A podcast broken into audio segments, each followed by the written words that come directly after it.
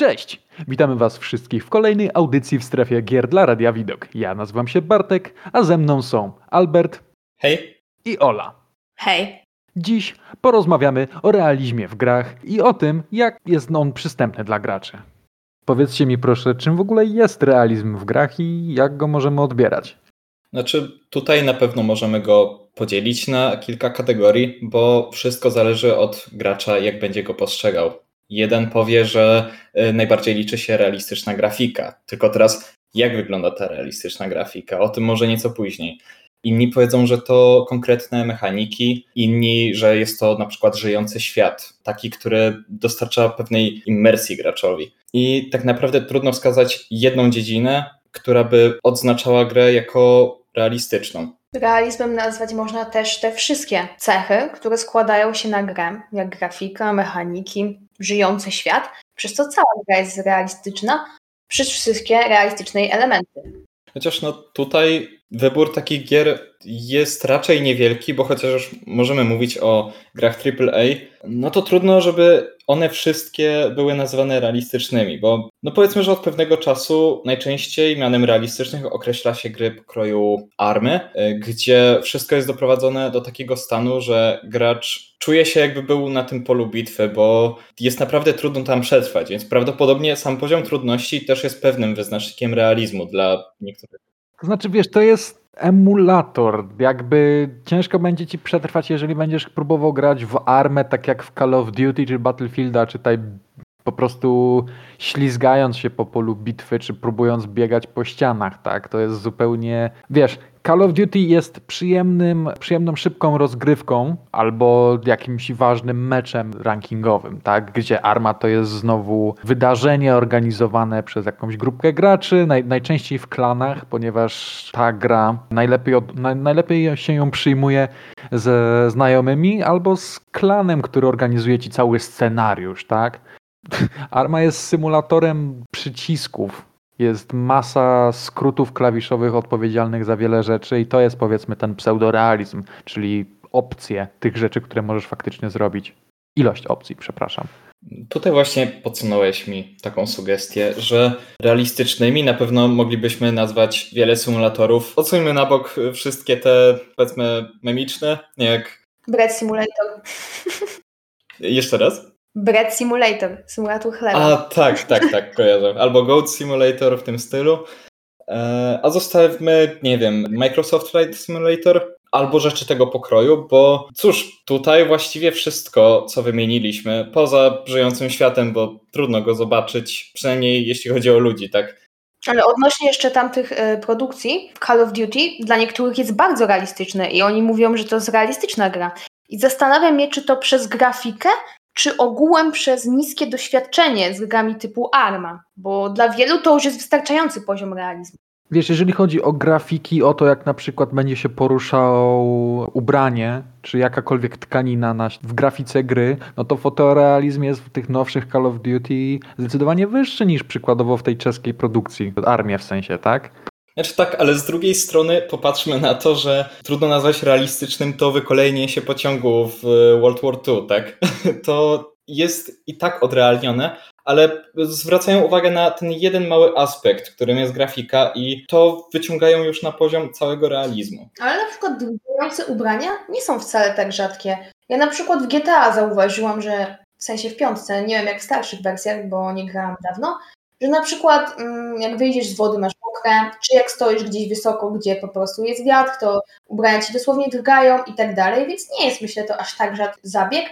Nie jest to rzadkie, ale wiesz, właśnie w, takiej, takich symulatorach, no to jest już teraz ogólnie dostępny koncept, bo pojawia się to w, w Unrealu czy innych silnikach graficznych, tak?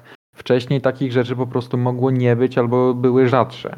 GTA no już nie jest najnowszą z części Grand Theft Auto, ale sama już ma dobre kilka lat. I na przykład grafika, która kiedyś była postrzegana za hiperrealistyczną, teraz no, może się wydawać w porównaniu do gier typu Wiedźmin, Red e, Dead Redemption.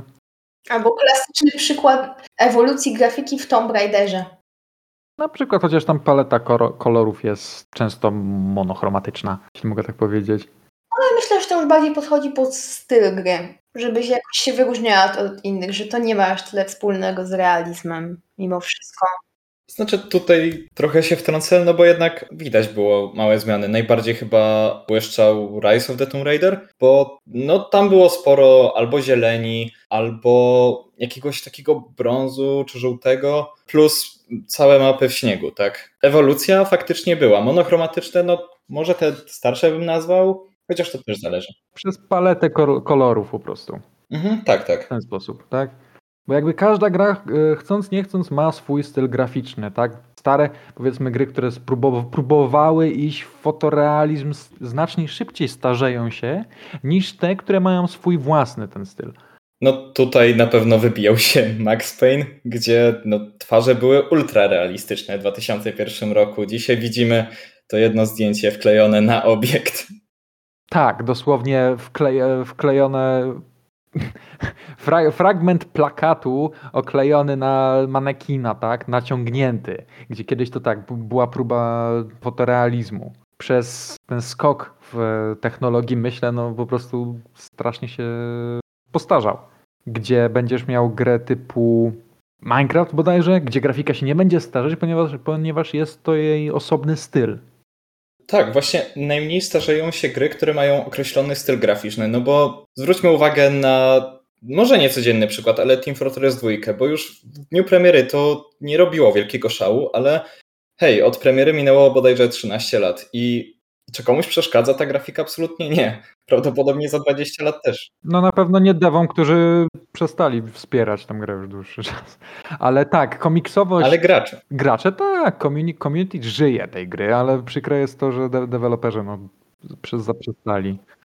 Ale gdyby komiksowej gry chcieć zrobić realistyczną grę o tym samym tytule, tylko na przykład dodać cyferkę, to już myślę nie byłoby to, no bo gracze byliby zawiedzeni, no bo oni jednak chcieli grać w tą komiksową produkcję, nie? Ja sobie na przykład nie wyobrażam, żeby z Team Fortress zrobić super fotorealistyczną grę. Wybacz, ale patrząc na to, co Valve robi, to raczej żadnego tytułu z trójką nie będziemy mieli. No tak, może jakiś spin-off, ale to już. No, wątpię. E, wracając. E, I to może też nam nieco podsunąć jakąś poszlakę na to, czemu Fortnite, mimo że już minęło trochę lat od premiery, bardzo dobrze się trzyma, bo grafika właściwie długo się nie będzie starzeć. Znaczy tutaj nawet nie, w, dla, dlaczego ta gra się no nie starzeje się właśnie przez e, swój oryginalny styl graficzny, tak? Znaczy tak, to jest tylko jeden z aspektów, jest cała masa innych, ale wszystko musi się zbierać, żeby to wyszło, tak? Tylko, że sęk jest taki, że ta gra nigdy nie próbowała udawać tego, że jest realistyczna, tylko zawsze była taka, jaka była. Wiadomo, że były jakieś poprawki, które może, może sprawiły, że jakaś mechanika jest bardziej realistyczna. Albo realistyczna, albo... No tak, ale mówmy się, gra, w której budujesz schody, z zebranego drewna 5 sekund wcześniej i bijesz się na jakichś powietrznych konstrukcjach lewitujących w powietrzu, no wiadomo, nigdy nie będzie realistyczne. No nie, no tutaj ani trochę. tak. Ale na przykład te gry, e, które mają słabszą grafikę, są często dobrą zabawką w rękach różnych fanów, którzy tworzą mody lub jakieś na przykład shadery albo teksturpaki, jak w przypadku Minecrafta, które mają za zadanie ulepszyć grafikę. I na przykład patrząc na niektóre shadery w połączeniu z teksturpakami do Minecrafta, to gra wygląda jak coś zupełnie nowego, jak nowa produkcja. Więc to też może bardzo poprawić mm, realizm. O ile w ogóle można Minecrafta nazwać realistyczną grą. No właśnie, no tutaj ciągle skupiamy się na tym graficznym aspekcie i on też potrafi iść w różne strony, bo mody a raczej shadery no nie idą tylko poprawę tego realizmu. Niektóre są nawet takie, aby jeszcze bardziej wypłaszczyć te tekstury, e, żeby były jeszcze bardziej uproszczone. Ja na przykład teraz mam w głowie różne remastery. Ostatnio właśnie było tam głośno o remasterze Life is Strange i wcale nie okazał on się taki dobry. Ludzie, którzy właśnie zakupili, czy tam jakoś odebrali tą ulepszoną wersję, wcale nie byli zadowoleni i mówili, że ta grafika nie zmieniła się aż tak, żeby warto było w ogóle przechodzić tą grę od nowa.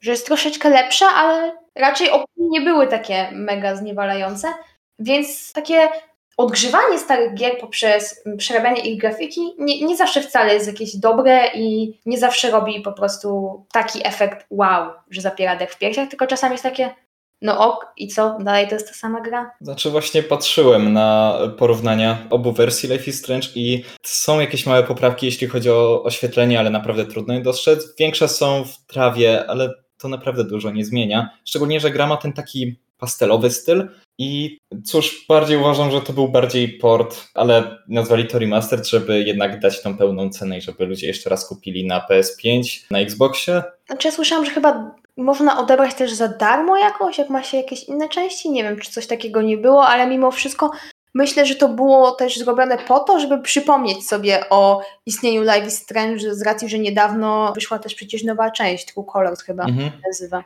E, tak, chociaż mimo, że powiedziałem, że to tylko na nowe konsole, no ta wersja też wyszła na PC, więc to po prostu wydanie nawet nie odświeżonej gry za bardzo. No nic, ale zejdźmy już e, może z tego aspektu graficznego i podejdźmy do mechanik. Czy uważacie, że to one mają jakiś szczególny wpływ na to, że możemy nazwać grę realistyczną, może bardziej imersywną?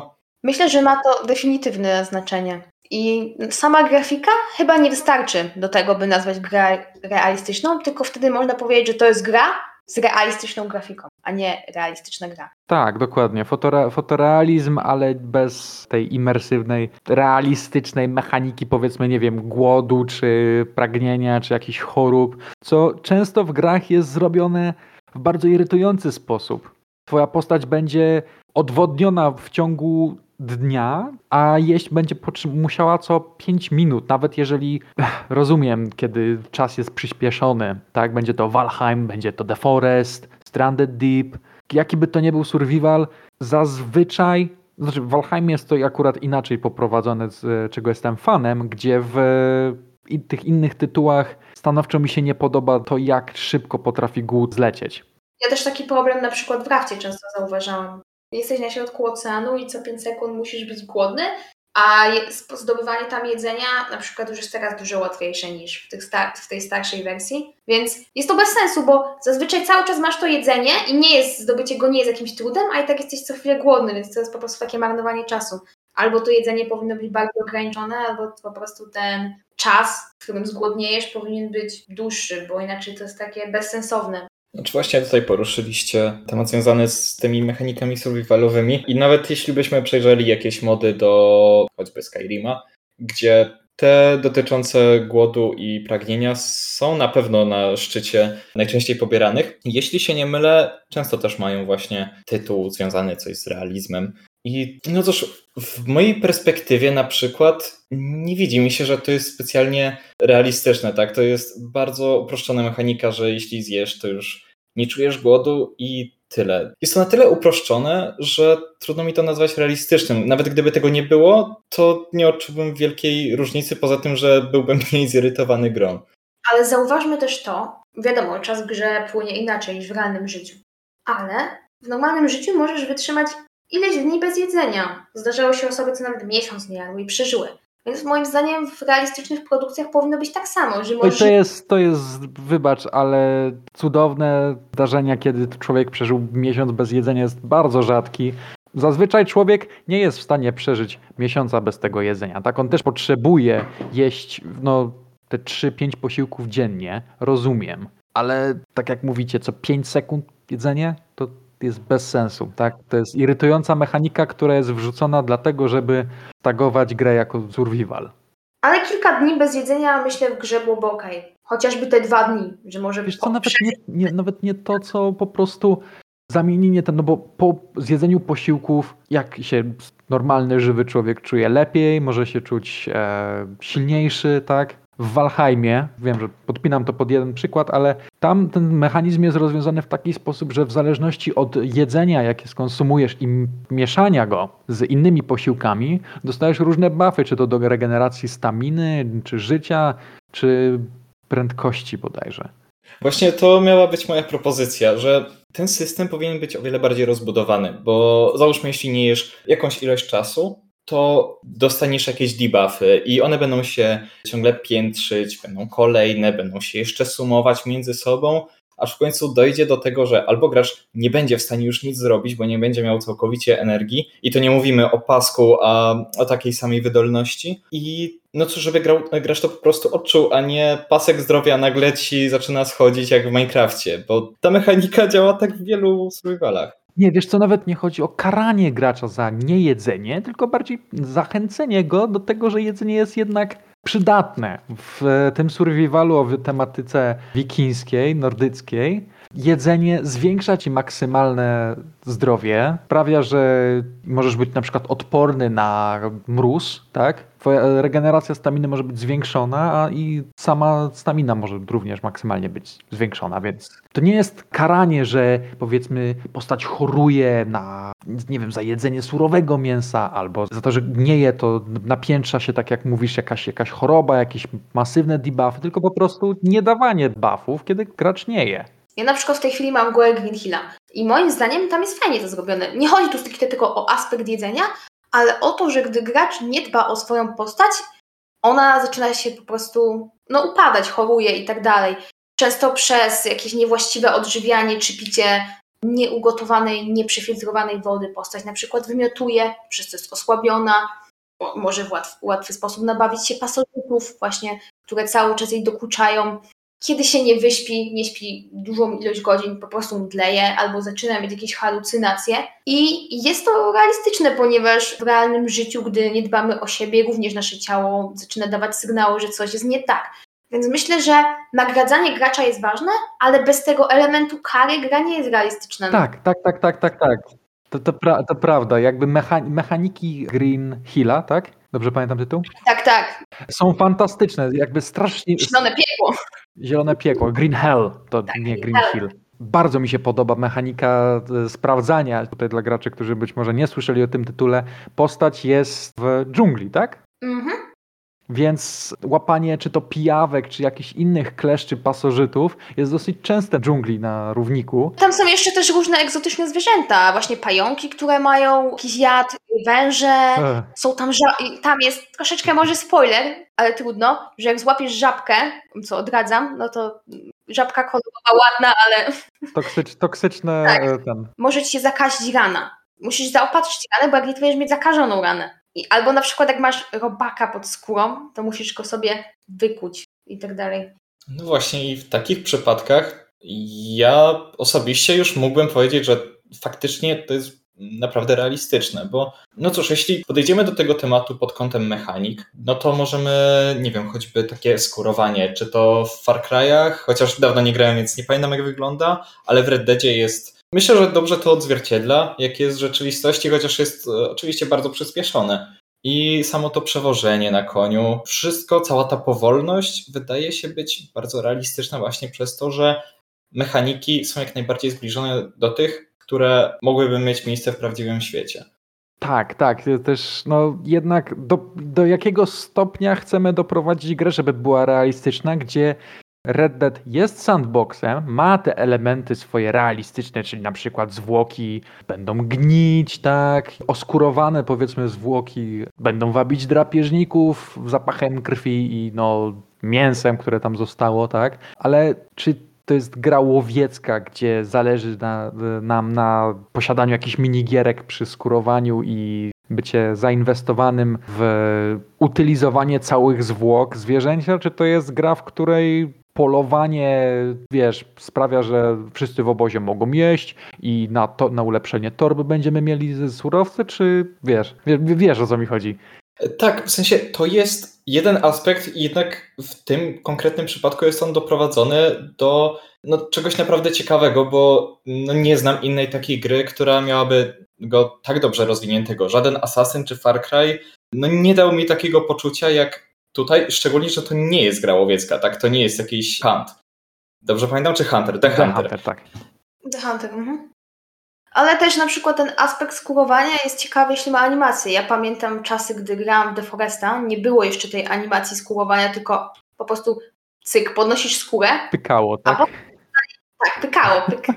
takie kliknięcie było, no. Mhm. A potem dodali tą animację skórowania. I jednocześnie mi się podobało, a jednocześnie byłam zła, że nie wiem, ja chcę podnieść skórę, a tu jest animacja, biegną przeciwnicy, ja nie wiem, czy podnosić tę skórę, czy sobie dać spokój, bo zanim ja podniosę tę skórę, to już mnie wszyscy otoczą, nie? No właśnie, kwestia realizmu i tego, jak w grze bardzo chcemy czy faktycznie będzie ta animacja, bo tak samo, no, jeżeli nam się śpieszy, powiedzmy, jesteśmy na drodze do jakiejś misji, na którą się nastawiliśmy, że chcemy zacząć i skończyć, ale trafia nam się jakieś, jakaś legendarna zwierzyna, albo po prostu jesteśmy gdzieś w dziczy, chcemy dotrzeć do punktu B i przy okazji natrafia nam się okazja na ubicie zwierza i go oskurowanie, ale chcemy to zrobić jak najszybciej, więc ten nasz realizm, na który liczyliśmy przy zakupie gry, teraz nas irytuje, bo zajmuje nam za dużo czasu. Więc gdyby pojawiła się jakaś jeszcze mini gra skurowania i zajmowałoby nam to jeszcze więcej czasu, to czy taki realizm, czy pseudorealizm nie byłby bardziej irytujący dla graczy? Tak samo jest z aspektem leczenia. Na przykład wycią- postać wyciąga bandaż i zaczyna sobie bandażować rękę przez 15 sekund. Tak, tak, tak. Przed, przed, przed chwilą e, granat obok, obok niego wybuchł, tak? Został spala, e, podpalony mhm. miotaczem ognia, a teraz wkręca sobie prawy nadgarstek bandażem i jest wszystko ok. Ewentualnie wbija sobie zastrzyk o, w jedną tak, rękę. Tak, albo jeszcze Far Cry'owe nastawianie kończyn. Po wybuchu albo spaleniu, tak. Aha, to mówisz o Primalu. Na przykład też tam, też tam było fajne leczenie. Po prostu zjesz kawałek jedzenia i ci się odnawiało życie. Tak, je, jeżeli, jeżeli miałaś jeżeli miałaś ten kawałek mięsa, bo jeżeli go nie posiadałaś, to była bardzo, bardzo ciekawa animacja nastawienia zwichniętych palców, jakichś wbitych, powiedzmy, w Far, e, w Far Cry'u 4 na przykład była to strzała w przedramię, to w zależności od... To w Primalu chyba też tak było z wyciąganiem strzały, jak miałeś strzałę, tak mi się kojarzy, ale z tym nastawianiem, to ja w ogóle jak to pierwszy raz zobaczyłam, to się zastanawiałam o co chodzi, czy mi po prostu ręka zaraz odpadnie, czy co. Imersja. Znaczy, właśnie jak mówimy o tej granicy, gdzie gracza zaczyna coś irytować, u każdego pojawia się to w innym momencie. Znaczy tak, momencie, jeśli chodzi o same mechaniki, że właśnie takie nastawienie czy coś to już jest za dużo, ja chcę to szybciej i to mi tylko utrudnia, ale też w momencie, że z początku może się to podobać, ale po tych 60 godzinach jakiegoś polowania czy zabijania innych graczy albo NPC-ów, już mamy dość tych wszystkich animacji. Mi się tutaj kojarzy.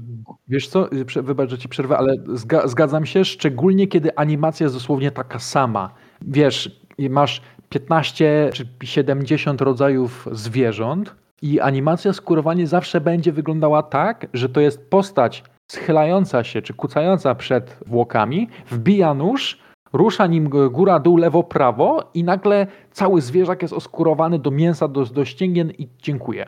Jeżeli są jakieś, jakby to nazwać w ogóle, indywidualne animacje dla zwłok, może to być chociaż odrobinę ciekawsze. Mhm.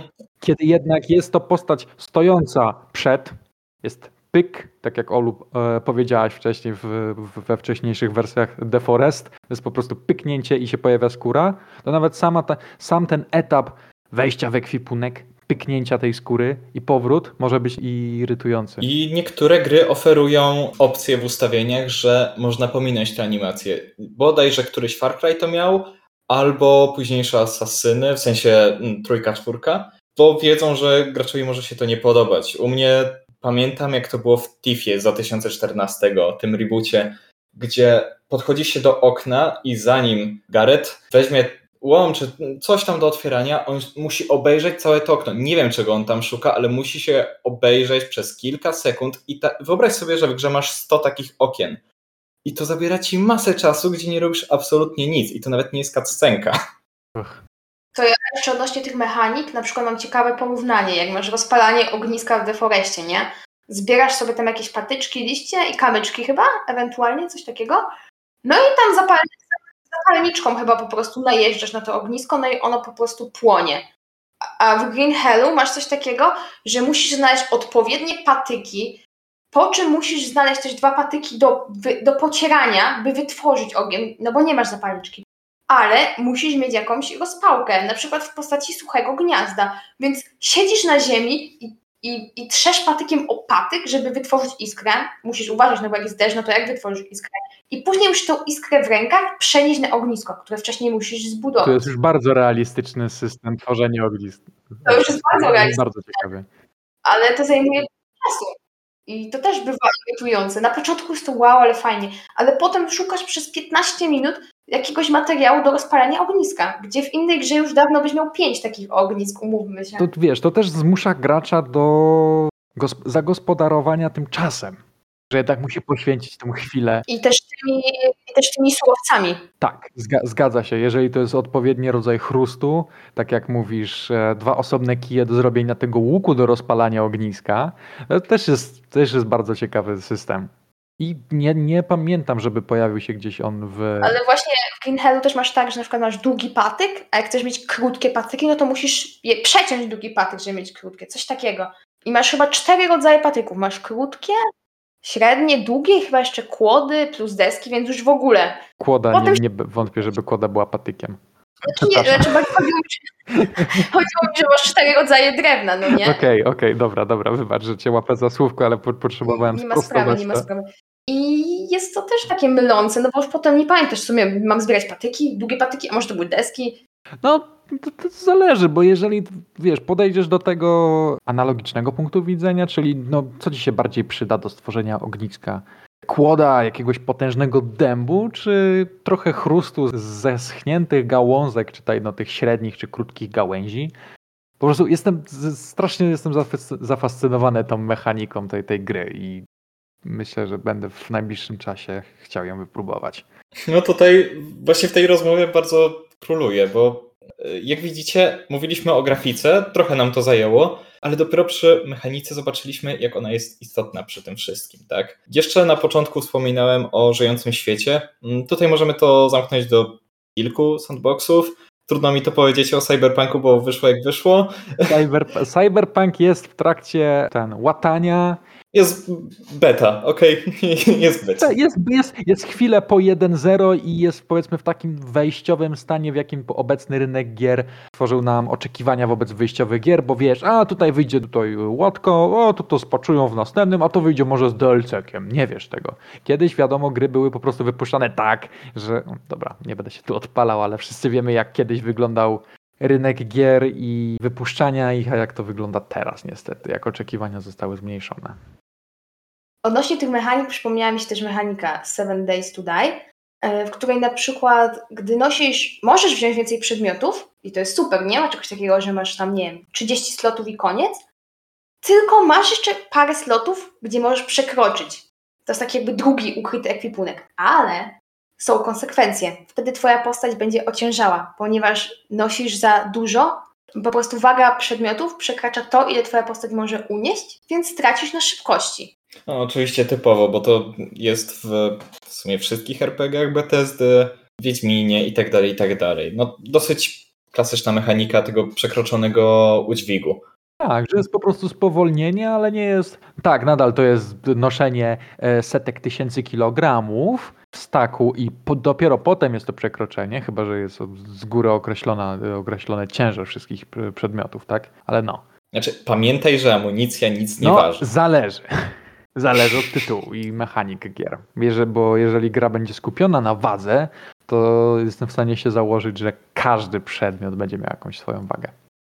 Tak, ale no, czasem to prowadzi do absurdów. Jak było chyba w Falloutie 76, że y, Pineska, czy spinacz, przepraszam, spinacz, on tam ważył y, 100 gram. No, nie wiem, jaki spinacz waży 100 gram, ale kiedy Musiał miałeś to być wolframowy.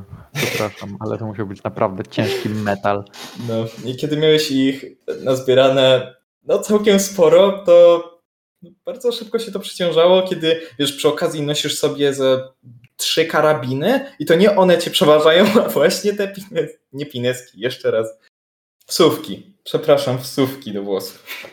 A, tak, tak, faktycznie. Chociaż spinacz... E, Booby pins, ciągle to miałem w głowie. Tak, tak, tak, tak, tak, masz rację, przepraszam.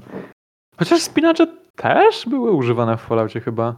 Nie, nie pamiętam. Chodzi mi o booby pins, czyli wsówki Nie no, to bobby pins to są tak, to są wsówki do włosów, to masz rację. No, wytrychy generalnie, ten, ten Tak, za- zastępca wytry, wytrychów powiedzmy. Moim zdaniem bardzo nierealistyczne i wkurzające jest robienie stakowania się przedmiotów. Czyli na przykład, że możesz wziąć tylko na przykład 10 kamieni i tylko 10 patyków. A co jeżeli na przykład chcę wziąć 20 mm, patyków, a w ogóle nie brać kamieni? Mając plecak w świecie normalnym, mogę wziąć więcej patyków i nie brać kamieni. A na przykład w deforeście jest to zrobione w ten sposób, że jeżeli nie chcę brać kamieni, no to sorry, nie mogę wziąć więcej patyków, no bo może mogę mieć tylko 10 patyków. A, czyli sposób sortowania przedmiotów w ekwipunku w, w deforeście. Nie tylko w deforeście, w innych grach też tak jest. Więc ja wolę gry, w których możesz wziąć sobie coś innego, a niekoniecznie, że wszystko ma swoją ustaloną liczbę miejsc. Tylko biorę czegoś więcej, to coś innego muszę, muszę wyrzucić, nie? A to zależy od systemu e, prowadzenia ekwipunków w grach, bo właśnie tak jak mówisz, w Defore, Deforest ma swój, swój własny, bo to nie są kwadraty do ten w ekwipunku, gdzie, które możesz wypełniać grafiką, a faktycznie przedmioty, całe modele tam są, jeżeli dobrze pamiętam. Tak, i one są jeszcze ustalone w konkretnych miejscach. Typu, że patyki są zawsze zbierane na górze, bronie zawsze po lewej, liście po prawej, w dolnym rogu i tak dalej. Tak, to, jest segrega- to jest segregacja przedmiotów, która jest przydatna, ale tak jak zgadzam się z tobą, że głup, głupim rozwiązaniem jest, czy no, głupim, no nieprzyjemnym rozwiązaniem jest limitowanie tych powiedzmy patyków czy kamieni osobno, kiedy widocznie można by ich podnieść więcej. Tak, i na przykład odpuścić inny item, to by było lepiej zrobione, tylko pewnie byłoby z tym więcej roboty, ale to na pewno wpłynęłoby na satysfakcję z zarządzania ekwipunkiem. Żeby to nie mhm. schematyczne, że ty pamiętasz, ile musisz mieć czego dokładnie, tylko że możesz wziąć czegoś więcej kosztem czegoś innego. Z realistycznych mechanik jeszcze w głowie mam to, że możesz pływać tylko z niektórymi brońmi w grze. Typu możesz pływać z jakąś małą spluwą lub z jakimś pistoletem, a ciężką broń musisz zostawić na plecach w chwili płynięcia. Mm, albo często jakiś nóż. Też. Albo w ogóle nie możesz Albo w ogóle nie możesz no. używać, to też jest spoko. No tak, a to, to już zupełnie zależy od właśnie tego pseudorealizmu w grze, bo no pomyślmy, kto z nas musiał pływać powiedzmy z bronią długą w jakimś je jeziorze czy ten? Czy bardziej, czy dałoby się takiej postaci płynąć cały czas z długą bronią? Bo ja rozumiem na przykład dryfując, wyciągnąć sobie tą broń długą i celując z niej gdzieś, tak?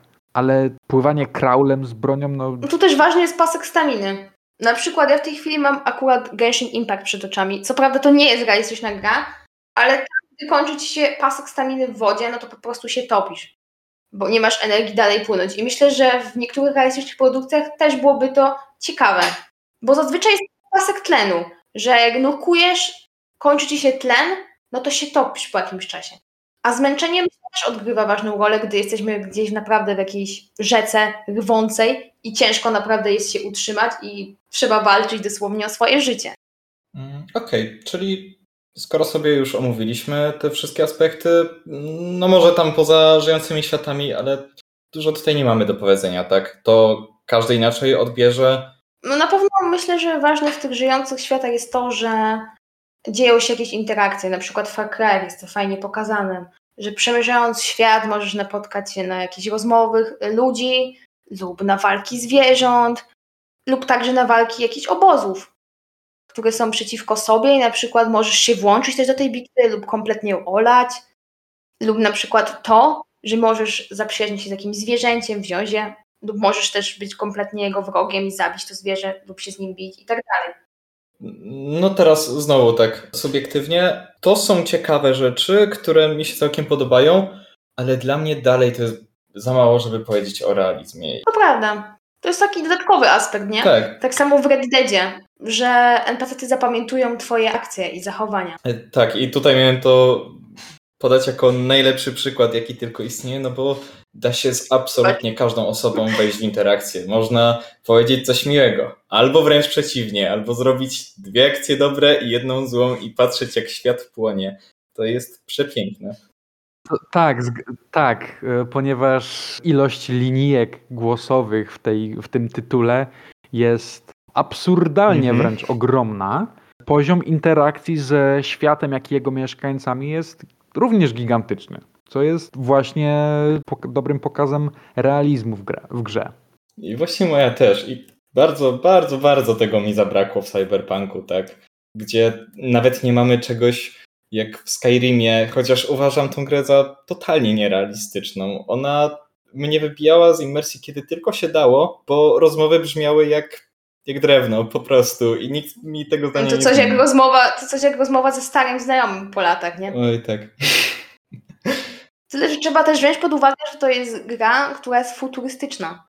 Nie da się zrobić realistyczno-futurystycznej gry. Tak myślę, tak do końca. Nie do końca, bo może być ona realistyczna w swoim własnym e, świecie. Tak, ale na przykład jeżeli tworzymy też jakąś broń, która nie istnieje w świecie rzeczywistym lub istnieją tylko jej prototypy, ciężko będzie określić, jak taka broń będzie wyglądać, jej model na przykład noszenia, jak pociski będzie z siebie wypluwała itd. Tak nie, to jest, to jest zupełnie inna e, rzecz. Wiesz, kiedy mamy grę fikcyjną, e, no science fiction, fantasy, to możemy sprawić, żeby ta broń była zgodna ze światem, w którym się znajduje. To no, wiadomo, nie będzie realistyczna, ale nie możemy wymagać realistycznych, nie wiem, przykład, przykładem Gwiezdne, Gwiezdne Wojny, tak? Gdzie ciężko, żeby ograniczać powiedzmy stopień jakiejś energii do długości miecza Mhm. Wiadomo, to jest po prostu no, fantazja albo fikcja, tak? Przynajmniej, żeby te wszystkie rzeczy, realizm byłby wtedy, kiedy te wszystkie e, fikcyjne rzeczy zgadzały się ze sobą, nie były cały czas sprzeczne. Znaczy, innymi słowy, może być realistyczne, kiedy po prostu to działa w kontekście świata przedstawionego. Dokładnie. A e, tak jak mówiliśmy o tym Red Deadzie, no jeśli tych interakcji nie ma w cyberpunku, to muszą naprawdę dobrze się postarać, żeby nam wyjaśnić, czemu ludzie przestali ze sobą rozmawiać, a przynajmniej z główną bohaterką czy głównym bohaterem. Tak. Dobra, skoro omówiliśmy wszystkie te aspekty, to może jakieś e, polecenia od Was, konkretnych tytułów? Czyli dla powiedzmy sadystów e, pseudo-militarystycznego realizmu, no to mogę polecić gry typu Arma, Hell Let Loose, Quad. Wiadomo, te gry przez swój włas swoją własną perspektywę mogą być bardziej lub mniej trudne, ponieważ na przykład Arma jest e, dosłownie symulatorem e, skrótów klawiszowych przez możliwości opcji do działania. Dlatego nazwałem to dla, dla sadystów, powiedzmy. Wtrącę się na chwilkę, bo mimo, że to nie będzie nawet polecenie ode mnie, bo nie grałem, ale sporo słyszałem o Verdun, gdzie no właśnie określało się to jako bardziej realistycznego Battlefielda 1, ale trudno mi o tym cokolwiek powiedzieć więcej, poza tym, że no, ginie się tam łatwo. No to jak na każdym już, już e, Milsimie, gdzie zabawa w protagonistę filmu akcji kończy się rychłą śmiercią przez nieostrożność. To ja jeszcze z takich strzelanek myślę, że Insurgency Oj, tak. nie jest może aż tak realistyczna jak Arma, ale na pewno jest bardziej realistyczna niż CS czy kod i tak dalej. Tak, to, to są milsy. Ma kilka fajnych mechanizm i w ogóle styl prowadzenia rozgrywki sprawia, że można się wczuć jakby w tą wojnę i w ten klimat faktycznie takiej walki na śmierć i hmm. życie. A z tych polecajek może jeszcze powiedz proszę o tym Green Hellu, bo brzmi bardzo ciekawie. No Green Hell to też jest taka gra, której naprawdę się trzeba natrudzić. Myślę, że przez złożoność mechanik grafika może nie jest aż tak super realistyczna. Myślę, że dałoby się z niej więcej wycisnąć, ale to też pewnie zależy od tego, że jesteśmy w dżungli, tam jest bardzo tak zielono, kolorowo i żywo. Modele są całkiem ładne, muszę przyznać, ale to mechaniki i fabuła też jest bardzo taka, w którą idzie się wczuć. I między taką emocjonalną fabułą cały czas się przeplata to przetrwanie. Na przykład ja pamiętam bardzo dobrze moment, w którym zabrakło mi chyba już tam jedzenia, wszystkiego, byłam na totalnym wyczerpaniu i zaczęłam pierwszy raz podczas gry słyszeć głosy w głowie i dosłownie raz słyszę je po lewej, raz po prawej. I ja nie wiedziałam, czy to jacyś wrogowie, czy o co chodzi. I byłam dosłownie przerażona. I później, to z lekki spoiler, gdy psychika już mi siadła, podeszła do mnie postać, która była wytworem mojej wyobraźni i dosłownie odebrała mi życie.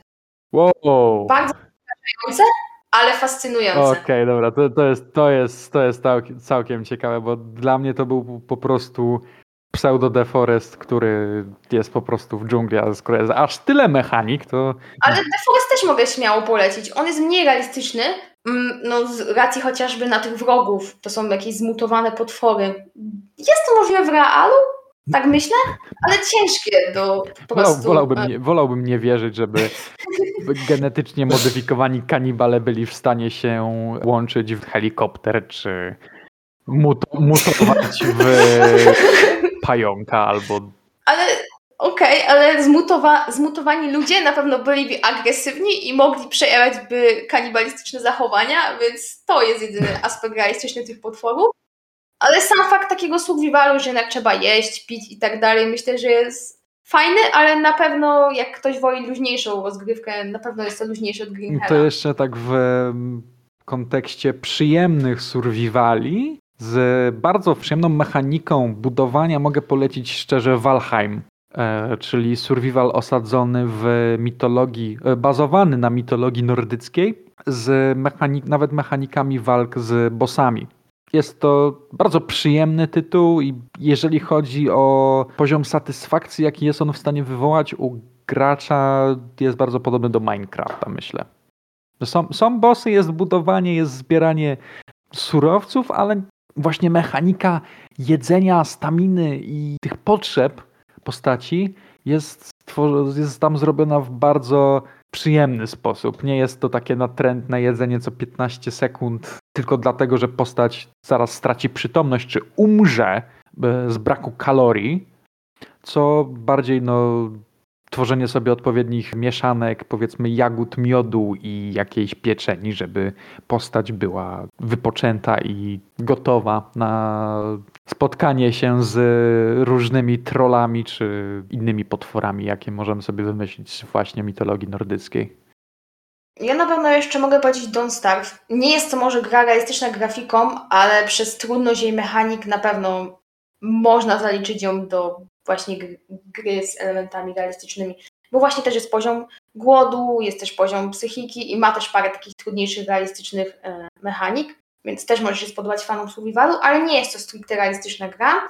No i z pewnością mogę też polecić Seven Days to Die, ponieważ nie grałam zbyt długo w ten, w ten tytuł, ale ma fajne mechaniki, chociażby z tym spowolnianiem, gdy macie za dużo rzeczy w ekwipunku, czy, czy z koniecznością mm, też tam jedzenia. I tam jest o tyle fajne to, że nie pokazuje paska y, właśnie głodu, tylko dopiero gdy jesteś głodny, pojawia się kontrolka, że jesteś głodny.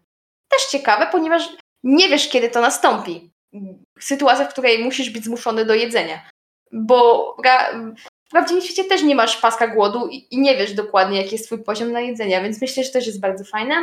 Nie jest to do końca jeszcze gra, no bo jest to jednak gra o zombie, ale też ją polecam pod względem mechanik, jakie ma. Okej, okay, to jeszcze ode mnie gra, o której może tak się od razu nie pomyśli, kiedy mówi się o realizmie, ale no jakby, jakby tak popatrzeć, to chyba bardzo się w to wpisuje. This War of Mine, bo y, zarówno aspekt ten, który dzieje się w dzień, czyli przetrwanie, utrzymywanie tego swojego mieszkania, tej bazy, niewielkie, ale jednak relacje pomiędzy bohaterami. Na przykład jak jedna postać zginie, to odbija się to na innych bohaterach. Jeśli ktoś jest chory, to przynoszą mu jedzenie. Właśnie, co do jedzenia też jest coś ciekawego, bo no tutaj nie jest to w kontekście godzin, a w kontekście dni. Jeden dzień każdy tam wytrzyma. Już po dwóch dniach są bardzo głodni i jeśli dalej nie będziemy ich karmić, po prostu umrą albo rozchorują się, będą gorzej sobie z tym radzić. I właśnie tu wszystko mi pasuje, chociaż mogłoby być więcej tych interakcji, bo no, trudno uwierzyć, że te wszystkie postacie siedzą w tak okropnej sytuacji, w jakiej się znaleźli i no, mało co ze sobą rozmawiają. Musi coś stać, żeby zaczęły ze sobą rozmawiać. Tak, czyli teraz po pokazaniu realiów wojny w dobrym tytule mamy konsensus? Nie. Ja jeszcze mogę dodać na pewno, że ciekawe są symulatory na przykład symulatory wędkowania lub polowania, na przykład The Hunter Call of the Wild. To też są realistyczne gry, w których zaimplementowane jest dużo takich szczegółów z realnego życia. Na przykład jak grałam Fishing Planet swego czasu chwilę i tam trzeba było uwzględnić takie parametry jak na przykład wiatr, pogoda, godzina, miejsce, w których ryby występują. Trzeba było móc wykupić licencję na dane łowisko, żeby po prostu być tam legalnie. Więc myślę, że takie kumulatory też mogą dać sporo frajdy pod względem realizmu, ale też to jest upierdliwe. Więc tylko dla wytrwałych, tylko dla wytrwałych. Czyli tak, realizm w grach to brak sprzeczności powiedzmy z logiką świata gry? I z logiką realnego świata. No to już zależy jak bardzo chcemy pójść w realizm rzeczywisty naszego świata, a realizm powiedzmy świata czy, czy uniwersum gry. Dlatego są produkcje, które są bardzo realistyczne, które są trudne i wymagające i są dla prawdziwych fanów. W połowie realistyczne, w których jest sporo mechanik, ale mimo wszystko jest to dalej zachowane w stylu gry i zabawy. Albo totalnie szalone produkcje, w której w ogóle nawet nie istnieje coś takiego jak fizyka. Znaczy, e, to co podałeś Bartek, jeśli chodzi o powiedzmy taką definicję tego, to myślę, że jako bardzo uproszczona wersja tego, co powiedzieliśmy, raczej się sprawdza. I myślę, że tak możemy podsumować tą audycję. Ja bym jeszcze dodała to, że na pewno na realizm gry wpływają nie tylko elementy mechaniczne, ale też często ścieżka dźwiękowa lub po prostu oprawa wizualna. Że te wszystkie elementy razem tworzą realizm gry i można ocenić grę jako realistyczną z uwagi na różne aspekty. Niekoniecznie mechaniczne, niekoniecznie graficzne. Może jeden z nich, może dwa, może wszystkie.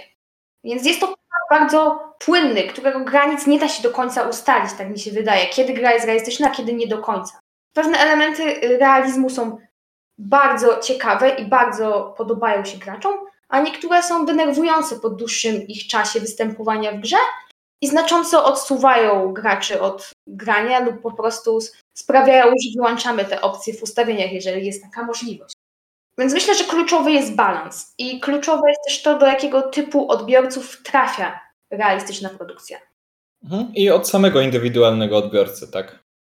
No, czyli dzisiaj już wiemy, czym jest powiedzmy ten realizm w grach. Czyli mamy konsensus.